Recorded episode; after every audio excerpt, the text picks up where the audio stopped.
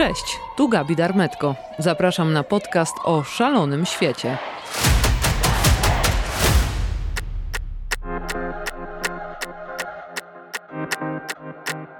Jak wyglądało 60 sekund w internecie w 2021 roku?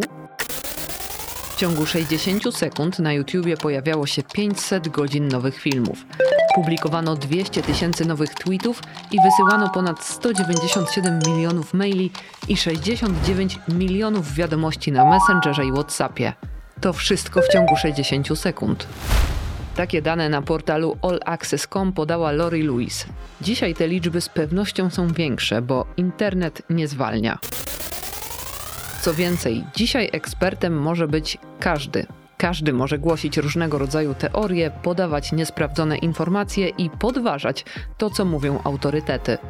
W zalewie ogromnej ilości treści, jeszcze ważniejszą niż dotychczas rolę, odgrywają instytucje, uniwersytety i wydawnictwa naukowe, takie jak na przykład PWN. Dzięki nim możemy mieć pewność, że otrzymujemy sprawdzone informacje. Tym odcinku podcastu razem z moimi gośćmi pokażę Wam, jaki jest mechanizm powstawania fejków. Bardzo ciężko oszacować to, ile tych tak naprawdę fake newsów jest w sieci, natomiast myślę, że zasadne będzie powiedzenie, że skala fake newsów w zasadzie zwiększa się razem ze skalą produkowania informacji, więc im więcej informacji do nas dociera, tym dużo większe prawdopodobieństwo, że będą tam też fake newsy. I jak tworzy się sprawdzone publikacje, z których warto czerpać wiedzę. Na podstawie analizy tych dowodów ludzie będą później sądzeni, a nasze słowniki są często używane w sądach w sytuacji, kiedy jest, jest problem z interpretacją słowa zapisanego gdzieś. Więc wtedy pojawia się nasz słownik, interpretacja jest jasna, bo to jest interpretacja, którą biorą pod uwagę obie strony sądzące się. Także ta odpowiedzialność jest ogromna. Odpowiedzialność, rzetelność i zaufanie to są wartości, które w świecie pełnym dezinformacji są szczególnie ważne. Dlatego też wydawnictwo PWN zorganizowało akcję Fake Stop tylko wiarygodne źródła wiedzy. Od ponad prawie 70 lat y, nasza misja w swojej istocie nie uległa zmianie. Katarzyna Nowak, menadżer do spraw wydawniczych. Mm, w swojej działalności kierujemy się upowszechnianiem dorobku naukowego, a zawsze wiarygodne źródła wiedzy, ich publikowanie stanowiło istotę naszej działalności. Wręcz y, można powiedzieć, że nasza misja z uwagi na pryzmat współczesnego świata staje się y, jeszcze bardziej istotniejsza. Nauka odgrywa bardzo ważną rolę w naszym życiu codziennym. Nie trzeba nikogo do tego przekonywać. Nauka pozwala nam zrozumieć otaczający nas świat, ale także zjawiska, które do tej pory znaliśmy jedynie w teorii. Spójrzmy na pandemię. Im więcej rozumiemy, tym lepiej dla nas, y, bo możemy reagować, a przede wszystkim nie dać sobą manipulować. Można powiedzieć, że w wydawnictwie naukowym PWN zespołowo stoimy na straży prawdy naukowej. Jednym z przykładów zintegrowanego działania na rzecz y, rozprzestrzeniania rzetelnej wiedzy jest nasza współpraca z takimi instytucjami jak Fundacja Rektorów Polskich, Federacja Szpitali, a także Stowarzyszenie Rzeczników Nauki. Codziennie zalewa nas morze informacji. Pojawiają się szybko i znikają, bo zaraz publikowane są kolejne. Czytamy o tym, co dzieje się na świecie, kto co zrobił, co powiedział, co odkryli amerykańscy naukowcy, co nam pomaga, co nam szkodzi, o nowych zagrożeniach, sposobach na zarabianie czy plotkach z show biznesu. Od zawsze było tak, że wygrywa ten, kto pierwszy poda informacje. Dzisiaj liczy się także ilość, ilość publikacji i ilość kliknięć bo to przekłada się na pieniądze. Wśród tych wszystkich newsów pojawiają się także te fałszywe. Jak dużo ich jest? Nie da się tego oszacować, mówi Marcel Kiełtyka z serwisu fact-checkingowego Demagog. My na co dzień weryfikujemy powiedzmy około dwóch fake newsów takich typowej, twardej dezinformacji, czyli miesięcznie to jest około 50-60 fake newsów, które sprawdzamy. Zdecydowana większość jest opisywana na naszej stronie. Część to są jakieś takie krótkie wrzutki w social media, że tak powiem, krótkie przykłady. Natomiast Jesteśmy tego świadomi, że to oczywiście nie są wszystkie fake newsy, które się pojawiają w sieci. No i też jesteśmy świadomi, że nie jesteśmy w stanie sprawdzić tych wszystkich fake newsów, które się pojawiają w sieci, więc tutaj z pomocą przychodzi edukacja, no i te działania, które też robimy poza taką codzienną pracą w redakcji. Jeszcze mogę dodać, tak jest, jeśli chodzi o dane, no to to, że w zeszłym roku zweryfikowaliśmy łącznie 608 wypowiedzi polityków, więc czy to jest dużo, czy to jest mało, to już pozostawiam ocenie czytelników i słuchaczy, aczkolwiek z roku na rok weryfikujemy tych wypowiedzi fake newsów więcej i na przykład w porównaniu z 2020 rokiem, no to zweryfikowaliśmy 46 wypowiedzi więcej, to wzrost o 8%. Może to nie jest jakaś uszłamiająca skala, ale robimy co możemy. Zdecydowanie więcej zweryfikowaliśmy tych fałszywych informacji, które się pojawiły, niezwiązanych z wypowiedziami polityków. Fake news nie jest niczym nowym w naszej cywilizacji, jednak skala fake newsów, z jaką teraz się mierzymy, jest niespotykana. Wie o tym bardzo dobrze dr Klaudia Rosińska, autorka książki wydanej przez PWN Fake news, geneza, istota, przeciwdziałanie. Kłamstwo czy manipulacje w przestrzeni informacyjnej istniały od zawsze i są tak naprawdę integralną częścią komunikacji. My wszyscy kłamiemy, jedni więcej, inni mniej, ale taka jest gdzieś tam natura człowieka, że zdarza nam się konfabulować, więc też media, zarówno te tradycyjne, jak i przed mediami tradycyjnymi, już w czasach antycznych publikowano na przykład na tablicach kamiennych nie zawsze prawdziwe informacje na temat senatorów czy, czy Cezara. Także sama nieprawdziwa czy nieprawdziwe informacje istniały od zawsze. Natomiast to, co współcześnie obserwujemy i nazywamy fake newsami, to jest zjawisko spowodowane tak naprawdę wieloma bardzo różnymi czynnikami. E, na pewno integralnie i powiedziałabym ściśle związane jest to z rozwojem technologicznym. Im bardziej, im szybciej rozwija się internet, im szybciej rozwijają się media społecznościowe, im bardziej zaawansowana jest technika przekazu informacji, tym niestety zwiększa się prawdopodobieństwo, że będzie równolegle z tym postępem szedł postęp w dezinformacji i w manipulacjach informacjami. No a jeszcze dodatkowo mm, ten postęp jest niewspółmierny do naszego postępu kompetencyjnego. To znaczy, internet i technologia rozwija się bardzo szybko, informacji jest coraz więcej, zarówno produkowanych, jak i przyswajanych przez nas jako odbiorców mediów internetowych. No ale niestety już e, nie, nie nadążamy kompetencyjnie za tym, za tym rozwojem, to znaczy nasze kompetencje cyfrowe czy nasze kompetencje analizy informacji nie rozwijają się tak szybko, jak szybko rozwijają się te informacje w internecie. Redakcje internetowe ścigają się w tym, kto szybciej i więcej opublikuje. Są jednak jeszcze miejsca, gdzie na pierwszym miejscu stawia się rzetelność i wiarygodność.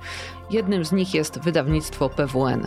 Wydawnictwo z ponad 70-letnią tradycją, którego publikacje znajdują się na półkach najważniejszych uczelni, bibliotek, ale także wielu polskich domów. Dzisiaj PWN możemy znaleźć także w sieci.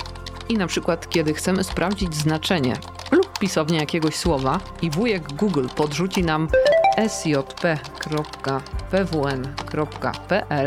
możemy być pewni, że dobrze trafiliśmy. Na ten słownik możemy śmiało powoływać się w pracach przygotowywanych do szkoły czy na studia. I co ważne, tę wiedzę mamy za darmo. Większość publikacji PWN można też znaleźć w ogromnej wirtualnej czytelni e-book Libra. Nasza wirtualna czytelnia online e-book Libra skupia ponad 70 tysięcy publikacji, w tym ponad 2000 publikacji PWN-u. Korzysta z niej ponad 700 instytucji i bibliotek akademickich w całej Polsce. Publikowanie sprawdzonych informacji, szczególnie tych dotyczących nauki, tłumaczących jakieś zagadnienia czy mechanizmy, wymaga ogromu pracy. Barbara Chmielarska-Łoś jest kierowniczką działu ilustracji i administracji archiwum elektronicznego, a zarazem jedną z najdłużej pracujących w PWN osób. Zanim cokolwiek zostanie opublikowane, musi przejść długą drogę. Proces od inicjowania projektu wydawniczego, czyli książki powiedzmy, to jest dosyć długi proces i bardzo wiele osób bierze w nim udział bo to są i recenzenci, i specjaliści, których wydawcy pytają o zdanie. Też wiele publikacji jest konsultowanych. Później jest proces wprowadzenia do planu wydawniczego i to jest też zawsze decyzja wieloosobowa. I wtedy, kiedy właściwie mamy zatwierdzenia wielu osób, których pytamy o zdanie i specjalistów, dopiero wtedy książka jest wprowadzana do planu wydawniczego. I właściwie wtedy zaczynają się prace redakcyjne, ale też jest i korekta, jest wielokrotne sprawdzenie. W wydawnictwach medycznych jest y, taki specjalistyczny punkt w procesie wydawniczym, to jest odprawa rycin. To jest specjalny zespół, który jest powołany do tego, żeby sprawdzić i zdecydować, jaki zestaw rycin i jakie one mają być, żeby były odpowiednie merytorycznie do danej książki i to jest dopuszczenie do publikacji. Nie we wszystkich książkach ten etap mamy, no bo oczywiście nie wszystkie są medyczne. Następnie jest proces produkcyjny, czyli przygotowywanie książki, czyli umieszczenie ich na stronach i układ na stronach. Przy tym procesie pracują specjaliści od produkcji, składy i łamacze, mówiąc dawniejszym językiem, ale też redaktorzy techniczni. Wiele osób ogląda książki, później powstaje indeks i to jest ostatni proces przed drukiem. To już jest dzieło bardzo wielu osób, wielu specjalistów i kilku obiegów korekt. Dopiero wtedy możemy pokazać książkę światu. Nie ma mowy o tym, żeby pojawiły się tam niesprawdzone informacje. Tymczasem w internecie każdy może napisać wszystko, bez jakiejkolwiek odpowiedzialności.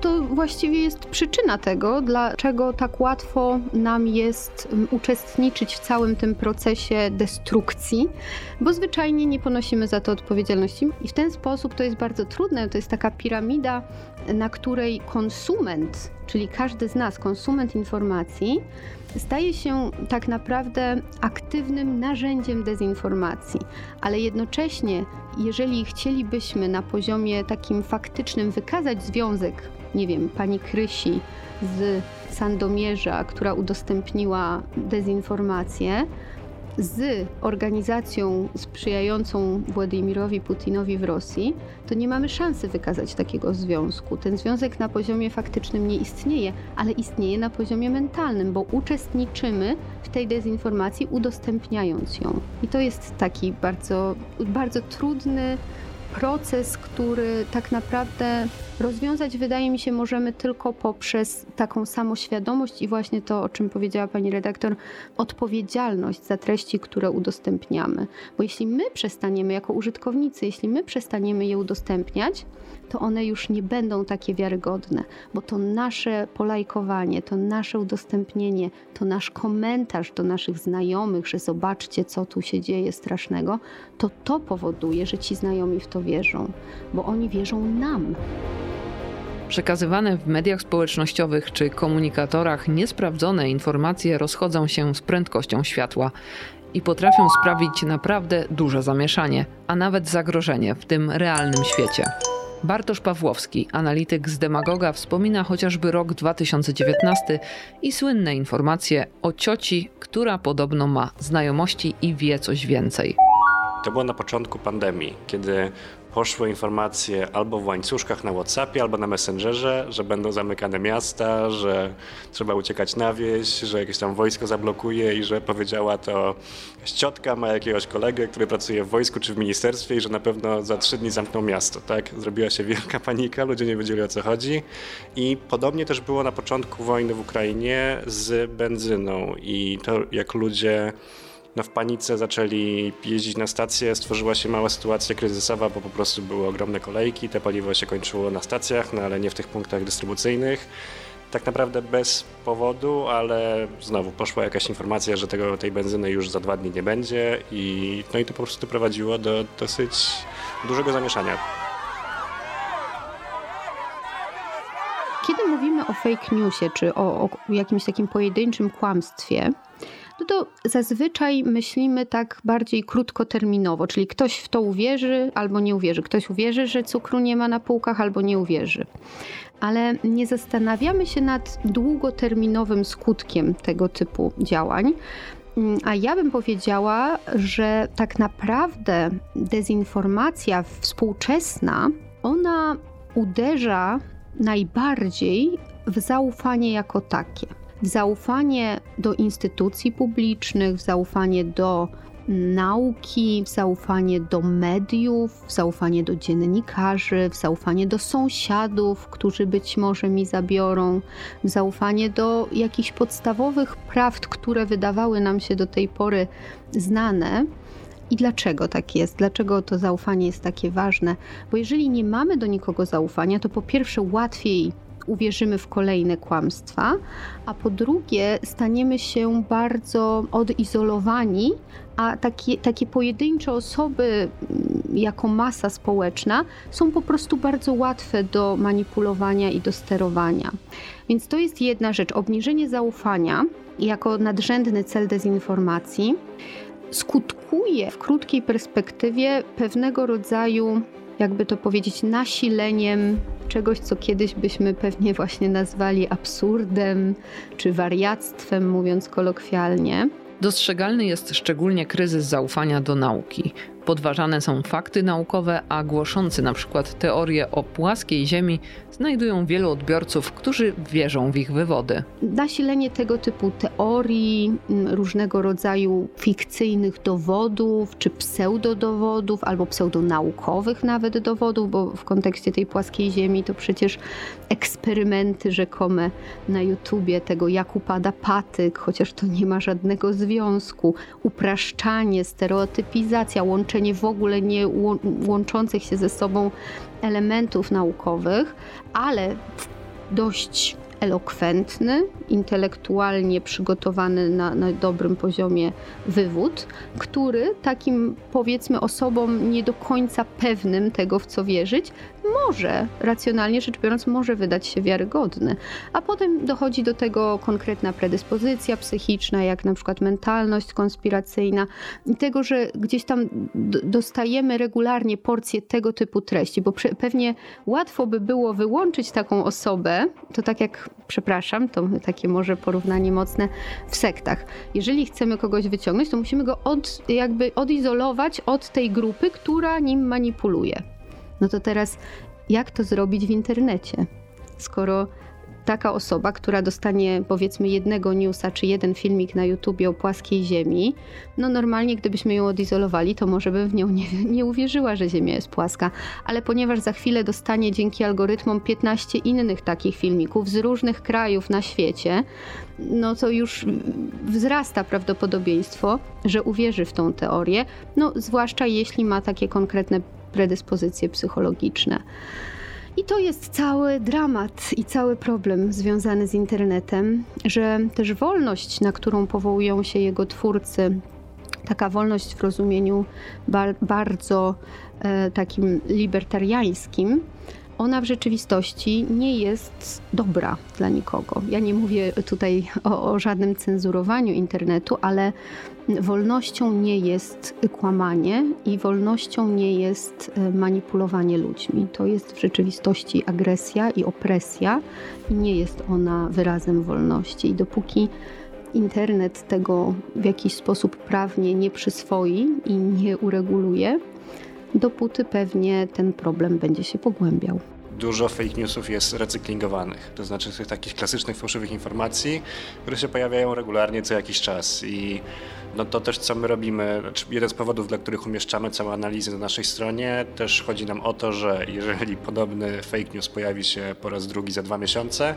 żeby można było łatwo wyszukać właśnie naszą analizę i zobaczyć, że no dobra, to już jest stara rzecz, ktoś już to sprawdził i po prostu łatwo można dojść do tego, to, co tam się naprawdę wydarzyło. Te fake newsy czasami pojawiają się rzeczywiście, tak Bartek powiedział, jeden do jednego są po prostu przeklejane. Takim popularnym fake newsem na przykład było to, że rzekomo szczepionki powodują autyzm. To już jest fake news obalony kilkanaście chyba lat temu, który no, co roku wraca i co roku e, spotykam ludzi, którzy mnie pytają, no to jak to jest z, tymi, z tym autyzmem i z tymi szczepionkami. Natomiast też bardzo dużo tych fake newsów, które powracają, są przedstawione w nowych kontekstach. Na przykład pamiętam taki filmik z ludźmi, którzy leżeli w workach, w takich workach, w których umieszcza się zmarłe osoby i nagle z tego worka ktoś odsunął po prostu suwak i zaczął palić papierosa. No i prawda była taka, że był to aktor, y, który występował, był statystą w jakimś serialu czy filmie, już nie pamiętam dokładnie, ale ten fake news wracał. On najpierw się pojawił w przypadku pandemii COVID-19 i miał rzekomo mówić o tym, że we Włoszech wcale nie ma tak masowych zgonów spowodowanych COVID-19, że to są aktorzy wynajęci i on teraz wrócił w kontekście wojny w Ukrainie i też miał rzekomo mówić o tym, że w Ukrainie w ogóle nie ma wojny i tam też są aktorzy. Więc to też jest takie ciekawe zjawisko, że te same filmiki, te same fake newsy, te same treści, fałszywe treści pojawiają się w różnych nowych kontekstach. Tematy medyczne to jedna z dziedzin, gdzie pojawia się bardzo dużo fake newsów. Aby mówić o medycynie, trzeba się na niej naprawdę dobrze znać. Studia medyczne nie bez powodu trwają 5 lat, a potem trzeba poświęcić jeszcze kilka lat na specjalizację. Tutaj nie ma drogi na skróty. Mimo to w sieci można spotkać wielu samozwańczych ekspertów od medycyny. Jedną z marek PWN-u jest wydawnictwo medyczne PZWL, które od dziesięcioleci oferuje całą gamę sprawdzonych publikacji medycznych. Wiedza, która się tam znajduje, jest sprawdzona i oparta na faktach, a co najważniejsze, przedstawiona w taki sposób, aby można było ją zrozumieć, czyli zupełnie odwrotnie niż pseudonaukowe teorie z sieci. Stella Nowośnicka-Pawlitko w swojej pracy jako wydawca publikacji medycznych szczególnie zwraca uwagę na sposób przekazu wiedzy. Powołam się na słowa profesora Franciszka Kokota, profesora legendy, niestety już nieżyjącego. Zapewniam, że to nazwisko zna każdy lekarz w Polsce, czy młody, czy starszy, czy dojrzały. Każdy zna Franciszka Kokota. On stworzył po prostu pewną szkołę, pewne podejście do medycyny.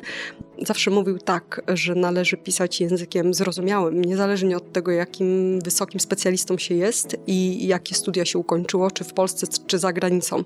To jest mi bardzo bliskie. Ja uważam, że jeżeli lekarz pisze w taki sposób, że człowiek tego nie rozumie, to znaczy, że z tą medycyną nie jest wszystko w porządku, to znaczy jest przekazywana wiedza w sposób zatajony. Natomiast ona musi być powszechna i musi być zrozumiała. Nie mówię, że dla pacjenta, bo to nie o to chodzi, my musimy mieć jakąś podstawę wiedzy z medycyny, biologii, chemii, ale nasze książki są też czytane przez osoby spoza kręgu medycznego. E, więc ta zrozumiałość języka i to, w jaki sposób przedstawiamy tą treść, e, jest bardzo ważne w naszym zawodzie redakcyjnym. Także pilnujemy tego, żeby to wszystko było jasne. Aby było jasne i oparte na faktach i rzetelnej wiedzy w zasadzie ze wszystkich dziedzin medycyny. Możemy znaleźć wszystkie dziedziny i mówię to z pełną odpowiedzialnością. Oczywiście nie wszystkie dziedziny są rozwinięte. Nie każda półka jest tak szeroka, ale w tym momencie obejmujemy wszystkie dziedziny medycyny, ale co jest najciekawsze, my tworzymy dziedziny albo na przykład zajmujemy się specjalizacjami, które nie są uznawane oficjalnie w Polsce jako te główne dziedziny medyczne, tylko to są takie wyjątkowe specjalizacje, na przykład andrologia, na przykład lipidologia. Teraz koleżanka będzie wydawać hepatologię, czyli wszystkie choroby związane z wątrobą. Czyli to nie jest specjalizacja medyczna, tylko to jest pewna profesja bardzo wąska, którą zajmują się na przykład kilkanaście osób w Polsce i teraz jest fascynujące to, że te osoby przekazują tą wiedzę szerszemu gronu. I chyba to jest też fascynujące, że PZWL odkrywa takie poddziedziny, które na przykład są popularne czy modne y, poza Polską. I nie boimy się takiej publikacji. Przeważnie są to bestsellery. Jednak sięgnięcie po rzetelną i sprawdzoną wiedzę wymaga wysiłku. A dzisiaj najmłodszym nie chce się już nawet wpisywać zapytań w przeglądarkę Google'a. Generacja Z najchętniej wyszukuje informacje na TikToku. TikTok generuje fake newsy. TikTok jest strasznie popularną teraz platformą. Bardzo szybko się rozwija. No i okazuje się, że szczególnie to najmłodsze pokolenie, czyli pokolenie Z, czyli ludzie, którzy urodzili się po 97 roku, korzystają już z TikToka, ale też Instagrama, no bo to też trzeba gdzieś umieścić obok siebie, ponieważ są to dosyć podobne platformy, a przynajmniej jedna gdzieś tam próbuje kopiować rozwiązania drugiej. No i okazuje się, że ci młodzi ludzie korzystają z tych platform jak z wyszukiwarek. Ale te wyszukiwarki w tych platformach, a szczególnie na TikToku, nie działają tak, jakbyśmy chcieli do końca. Przynajmniej nie działają tak, jakby chcieli fact-checkerzy. Nie podsyłają zawsze rzetelnych źródeł sprawdzonych informacji, ale bardzo często okazuje się, że przesyłane są tam fake newsy. TikTok Instagram, tak powiedziałem, zastępują te wyszukiwarki Google'a niemal wręcz. E, czyli młodzi ludzie, im się już nie chce wchodzić na wyszukiwarkę Google. Oni mają tą swoje social media, które dla innych jest Instagramem, dla drugich TikTokiem i oni tam szukają informacji.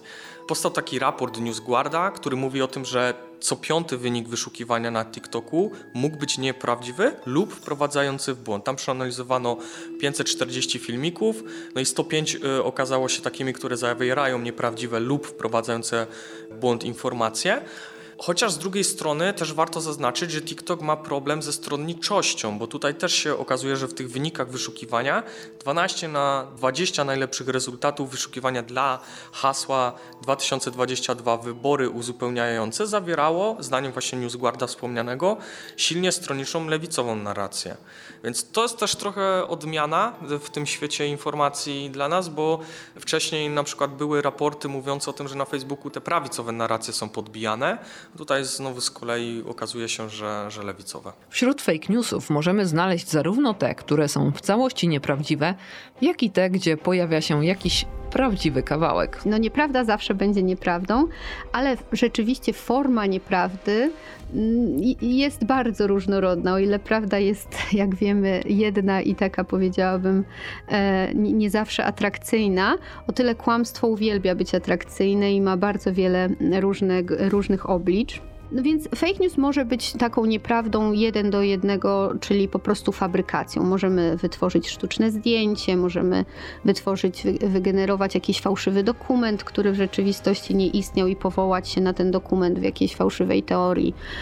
Możemy wymyślić jakieś liczby, dane statystyczne. Tak wtedy to jest czysta sytuacja, coś nie miało miejsca, a jest pokazane, e, że miało. Jest to fabrykacja. No ale fabrykację łatwo sprawdzić, więc to nie jest wcale taki popularny rodzaj fake newsa, e, bo dużo mm, trudniej jest dyskutować na przykład z półprawdami. Czyli pokazujemy jakiś fragment materiału z wojny, ale jest tak wycięty i tak wykadrowany, że jest oczywiście prawdziwy, tego nie można zakwestionować, ale nie pokazuje prawdy. Pokazuje jakiś wycinek tamtejszej rzeczywistości. Wtedy jest już trudniej obalić takiego fejka, bo trzeba dużo więcej pracy włożyć w to, żeby pokazać ten szerszy kontekst. Ale może być też tak, że w fake newsie będzie będzie dużo prawdy, będzie, będą fakty przedstawione, ale przedstawione w taki sposób, żebyśmy doszli do błędnych wniosków. Zapisałem sobie nawet taki clickbaitowy nagłówek, który pojawił się na początku pandemii. Szok w Norwegii, kilkanaście osób zmarło, bo zostały zaszczepione. No i to jest bardzo fajny przykład. Jeszcze tam był taki y, dopisek: 13 osób zmarło wskutek ubocznych działań szczepionek. No i od razu wywołuje w nas strach, szczepionki niesprawdzone, nie wiadomo co się po nich dzieje, ludzie w Norwegii umierają, a o tym się nie mówi, trzeba kliknąć i sprawdzić o co tam chodzi. I to jest bardzo fajny przykład, bo on bazuje na prawdziwej informacji, czyli rzeczywiście 13 osób zmarło i rzeczywiście zmarło w jakimś okresie czasu, w jakimś okresie po zaszczepieniu. Natomiast nieprawdą jest, że przyczyną były szczepionki, bo nie wykazano potem w sekcji zwłok żadnych e, ewidentnych dowodów na związek przyczynowo-skutkowy. Była to tylko korelacja, ponieważ były to osoby z domu opieki, i wszystkie miały minimum 80 lat, więc możemy się też domyślić, że po prostu to były schorowane osoby, na których gdzieś tam przyszedł czas, a ten ta szczepionka mogła być tylko po prostu przypadkiem, tak, że akurat teraz się te osoby zaszczepiły.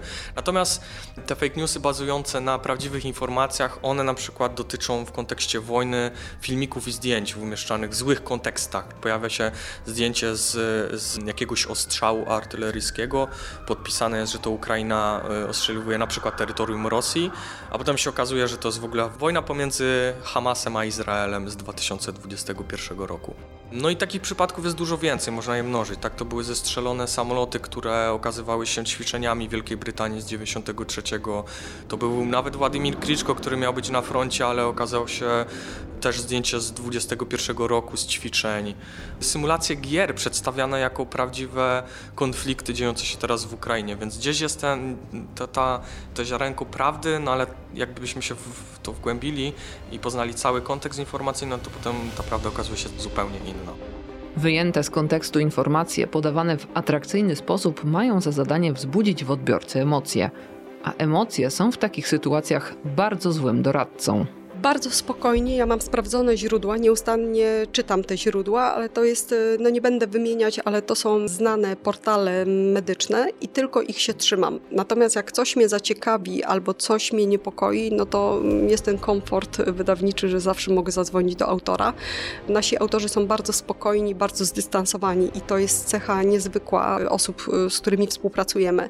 Nigdy nie rzucają się na żadne fascynacje albo z pierwszych stron gazet. Absolutnie. To, to nie jest to. Nawet widziałam w czasie pandemii. To było wszystko wyważone, spokojne i nieustanne poszukiwanie źródeł, więc powiem szczerze, że wydawca to jest w ogóle bardzo ciekawy twór, dlatego że właśnie pandemia jest świetnym, świetnym przykładem, gdzie my musieliśmy pośredniczyć, na przykład między znajomymi, środowiskiem, rodziną. Każdy pytał, a co na to wasi autorzy? Najczęstszym zdaniem, które wypowiadałam, to było zachowajmy spokój. To, I to, to było piękne. Natomiast proszę pamiętać, że nawet jeżeli jest coś ogłoszone przez firmy farmaceutyczne, albo na przykład jest ogłoszone coś e, w, w prestiżowym czasopiśmie medycznym, no to to jest pewna teoria i teraz trzeba ją udowodnić badaniami, badaniami klinicznymi, czyli autor czytając to, czyta to z ciekawością, po czym przetwarza to w oparciu na jakichś wytycznych wiedzy dotychczasowej. Nasze książki w ogóle zawierają mnóstwo, mnóstwo złotych standardów czy wytycznych właśnie w ten sposób interpretowanych i to, to jest chyba ich największa wartość, że tam oprócz takiej ścisłej wiedzy, wskazówek, jakichś algorytmów, na to nałożona jest wiedza osobista i doświadczenie danego autora. To nie musi być profesor, to jest po prostu osoba świetnie wykształcona w swojej e, profesji. I my to właśnie wszystko, ta cała kompilacja powoduje, że nasze książki są wyjątkowe. Korzystam z internetu i dla mnie bardzo ważną informacją jest wydawca. Radzę popatrzeć na osoby w księgarni, które biorą książkę do ręki, oglądają, ale ludzie z branży zawsze otwierają ją na stronie redakcyjnej. Ja to wiele razy widziałam, robię to sama. Oceniam książkę po stronie redakcyjnej. A w internecie z kolei oceniam po wydawcy, bo wiem, że wydawca gwarantuje jakość tych informacji. Też ja szukam specjalistycznych informacji. Ja nie jestem użytkownikiem, który byle czego poszukuje, tak? Pracuję w wydawnictwie naukowym, więc moje potrzeby są dosyć specyficzne i specjalistyczne, więc ja szukam dobrych informacji i takich, które są gwarantowane też ja sprawdzam źródła, no i też jest krytyka źródeł. Czasem sprawdzam źródła i porównuję je z prawdziwym źródłem. Na przykład sprawdzam pierwsze wydanie książki, czasami dotyczy to XVI wieku. ale dzięki cyfrowym zbiorom jest to szybkie i łatwe. Nie muszę korzystać z, ze specjalistów, bo dawniej korzystaliśmy ze specjalistów. Jeżeli mieliśmy wątpliwości, to zwracaliśmy się do specjalistów w danej dziedzinie. Ciągle to możemy robić, tyle że to nie przedłuża procesu wydawniczego, no bo wszyscy mają adresy e-mailowe i bardzo wiele informacji jest też w sieci. To właśnie wszystko zależy od tego, w jaki sposób my podejdziemy do tej informacji, jak będziemy je konsumowali. To mi się też trochę kojarzy z Wikipedią, bo u nas też często pytają, czy Wikipedia to jest rzetelne źródło, czy nie. I tak i nie. Jeżeli widzimy jakieś hasło na Wikipedii, to możemy się nim posiłkować, ale sprawdźmy źródło. Czyli ja zawsze na przykład mówię, żeby wejść do Wikipedii w te przypisy, sprawdzić to źródło, na którym bazuje i tam poszukać tej informacji. Czy na pewno autor, pisząc ten tekst, dokładnie zacytował to źródło, czy czegoś nie przekręcił, czy to w ogóle źródło samo w sobie jest wiarygodne. I podobnie jest w mediach społecznościowych. Jeżeli trafimy na eksperta, dziennikarza, E, naukowca, który podaje nam mm, informacje w dziedzinie, w której się specjalizuje, to prawdopodobnie będzie to rzetelna i prawdziwa informacja, której możemy zaufać. Chociaż też zawsze polecam, żeby sprawdzać i dziennikarzy, i polityków, i nau- polityków przede wszystkim, ale dziennikarzy i naukowców również, bo oni też mogą się mylić, są tylko ludźmi. E, no i mamy też bardzo dużo takich przykładów, szczególnie z Twittera, gdzie nawet dziennikarze nabierają się na fałszywe konta e, w mediach społecznościowych i podają potem te informacje dalej jako prawdziwe. Ostatnim takim głośnym przykładem było e, fałszywy tweet Roberta Bąkiewicza, czyli osoby związanej z Marszem Niepodległości, który miał rzekomo ogłosić w tym roku marsz pod wspólną banderą razem z, z Ukraińcami. E, to było oczywiście konto jakieś satyryczne, które wrzuciło tą, tą informację w ramach żartu. Natomiast pewna z dużych stacji radiowych w Polsce dalej podała tą informację jako prawdziwą, wręcz tworząc całą audycję na ten temat. Więc to pokazuje, że nawet tak doświadczeni ludzie jak dziennikarze, którzy na co dzień e, mają obycie tak, z, tą, z, tą, e, z pracą, z informacją, potrafią się nabrać na takie głupie żarty ta imitacja, ja nie bez powodu tak, tak podkreślam, że fake to jest po angielsku taka imitacja, podróbka, fałszywka. Ona ma w jakiś sposób kreować prawdę, ale dlatego jest skuteczna, bo oddziałuje na nasze emocje, a nasze emocje zaciemniają nam ten krytyczny, racjonalny osąd. Możemy to sobie zresztą przełożyć do takich życiowych podróbek adidasów, jakichś złotych łańcuszków, kiedy kierujemy się wyłącznie emocją o Boże, jakie to jest piękne, to prawdopodobnie nie zauważymy, że to jest podróbka. Ale kiedy idziemy na stragan, widzimy, że on jest jakiś taki dziwny. Ten pan jakoś nie wygląda na certyfikowanego sprzedawcę złota, a, a tutaj te buty Nike to też niekoniecznie są opakowane tak jak standardowo w sklepach. To wtedy włączamy krytyczne myślenie. Wtedy nie, nie kierujemy się już emocjami, tylko wyszukujemy sygnałów, które mogą świadczyć o tym, że tu coś jest nie tak. I o to by chodziło w internecie, żebyśmy te, taki sam nawyk wypracowali sobie e, co do treści internetowych, czyli kiedy mamy silną fascynację, radość, jakoś bardzo cieszymy się z danego newsa, o super, że ktoś, nie wiem, wygrał, albo super, że e, to jest zgodne z moim światopoglądem, kogoś bardzo lubię i on teraz jest przedstawiany tak, jak ja chcę to to są sygnały, albo negatywne emocje, czyli jestem wściekły, bo czegoś się dowiedziałem, a tego nie akceptuję, będę walczył o coś, co jest dla mnie ważne, a ktoś tu mi chce to zabrać. Te emocje powinny być dla nas takim sygnałem: stop. Na pewno tego nie udostępniam. Potrzebuję godzinki, dwóch na ochłonięcie. W ogóle nie czytam dalej, tylko się mm, restartuje mój umysł, po to, żeby kiedy znowu usiądę do tego newsa, już z chłodną, przysłowiową chłodną głową, żebym mógł bardziej świadomie przeczytać to, co rzeczywiście jest tam napisane, a nie jakby moimi emocjami interpretować to, co chcę, żeby było tam napisane, albo to, z czym chcę się zgodzić już od samego początku czytania. To jest oczywiście bardzo trudne i skomplikowane. Y, wymaga nawyku, po prostu regularnej pracy nad sobą i nawyku, ale ja głęboko wierzę, że to jest właśnie taki moment w całym społeczeństwie na świecie, gdzie właśnie te nawyki będziemy wypracowywać i być może kolejne pokolenia już te nawyki będą miały, jeżeli będziemy je edukować. No ale, ale na razie jesteśmy w takim dość trudnym i żmudnym procesie, w którym dopiero rozpoznajemy, z czym się mierzymy i dopiero gdzieś tam będziemy wypracowywać strategię radzenia sobie z tym. Podstawową rzeczą, na jaką musimy zwrócić uwagę, to źródło. Szczególnie jeśli szukamy wiedzy. Warto korzystać ze sprawdzonych źródeł. Wydawnictwo PWN ma w swojej ofercie publikacje z wielu dziedzin nauki i mają one gwarancję rzetelności. Uczą się przyszli inżynierowie, którzy odpowiadają za projektowanie naszych domów. Uczą się lekarze, którzy nas później operują. Uczą się specjaliści na przykład medycyny sądowej. Popatrzyłam na spis treści książki specjalistycznej, z której będą się uczyć ludzie oceniający dowody w sądzie. I trochę mi zadrżała ręka, jak, jak przeczytam, jakie to jest ważne, jak bardzo wartościowe, jak odpowiedzialne. Bo przecież na podstawie analizy tych dowodów ludzie będą później sądzeni. Odpowiedzialność, zaufanie, rzetelność, prawda. To są słowa klucze w tworzeniu informacji. Pośpiech, emocje, manipulacja, skróty, bezmyślne powielanie pomagają się rozwijać fake newsom.